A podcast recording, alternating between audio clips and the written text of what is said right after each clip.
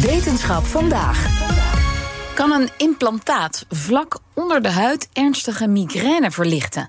Een Nederlandse start-up denkt van wel. Zij plaatste recent hun eerste implantaat bij een patiënt en ze zijn blij met het resultaat. En wij bespreken dat resultaat met wetenschapsredacteur Carlijn Meinders. Hey Carlijn. Hoi.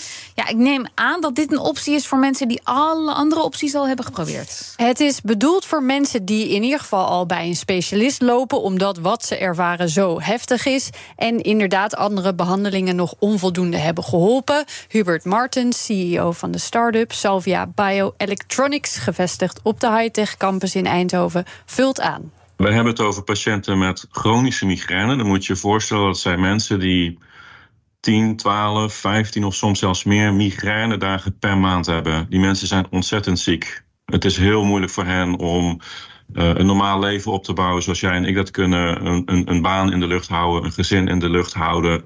Maar de, de, de migraine beheerst hun leven. Ja, behoorlijk heftig. Eh, eh, heel heftig lijkt me dat. Ja. Ik heb het zelf nooit ervaren, dus ik weet het niet. Maar dit klinkt vreselijk. Ja. En het idee van Martens was dus om te kijken of deze groep patiënten geholpen kan worden met neuromodulatie. Het beïnvloeden van signaaltjes van de zenuwen die een rol spelen bij het pijngevoel. Als ik hoofdpijn heb, dan ga ik op mijn voorhoofd masseren of op mijn achterhoofd. En daar onder de huid lopen grote zenuwbundels.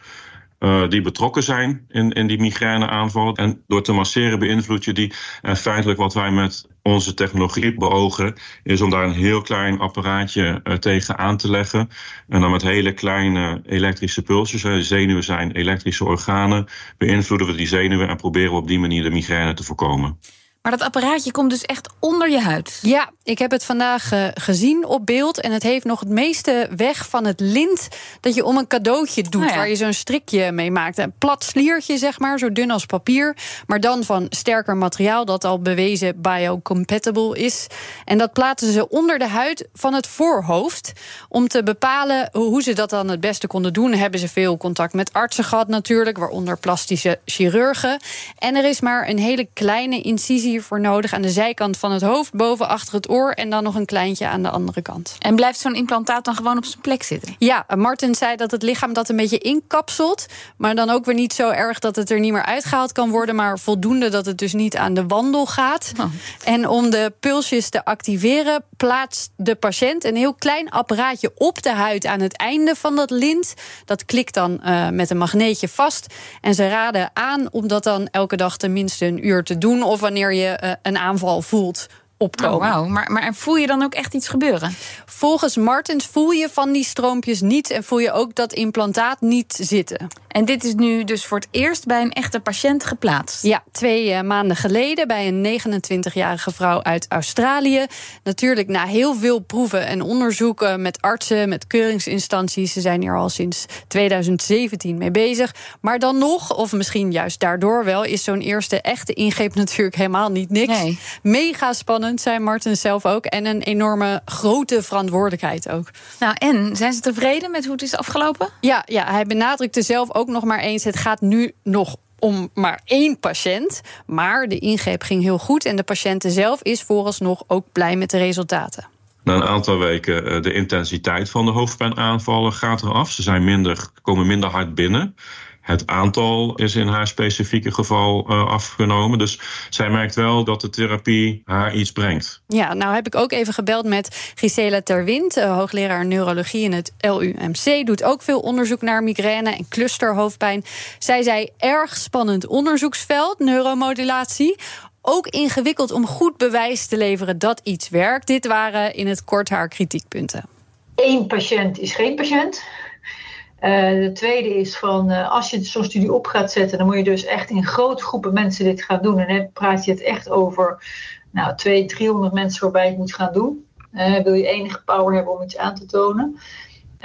dan moet je een placebo gecontroleerde of een sham gecontroleerde studie hebben om dat aan te tonen.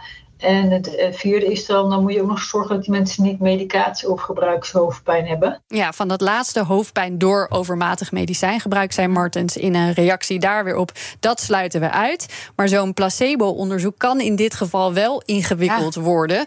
Daar zijn ze nog naar aan het kijken. Eh, Terwind zou zelf persoonlijk toch nog een andere behandeling kiezen als dat een mogelijkheid is. Maar tegelijk zegt ze ook, als hier toch patiënten mee geholpen zijn uiteindelijk, dan is het natuurlijk te gek. En ik denk dat het heel spannend nieuw veld is waar we ons met z'n allen in gaan begeven. En dat is dat is wel heel cool. En het is fijn dat dit soort bedrijfjes zich daarvoor inzetten. Dat is de andere kant van het verhaal. Heel cool, zegt ze. Ja, ja nou ja, het is mooi dat ze er zo over denken. Maar ze, ze is uh, terecht, denk ik, kritisch als in... we zijn echt nog maar aan het begin hiervan. Uh, deze eerste patiënt voelt zich er goed bij. Maar dit zeggen we na twee maanden natuurlijk. Uh, ik zou zeggen, gewoon een hele spannende eerste stap... voor deze start-up.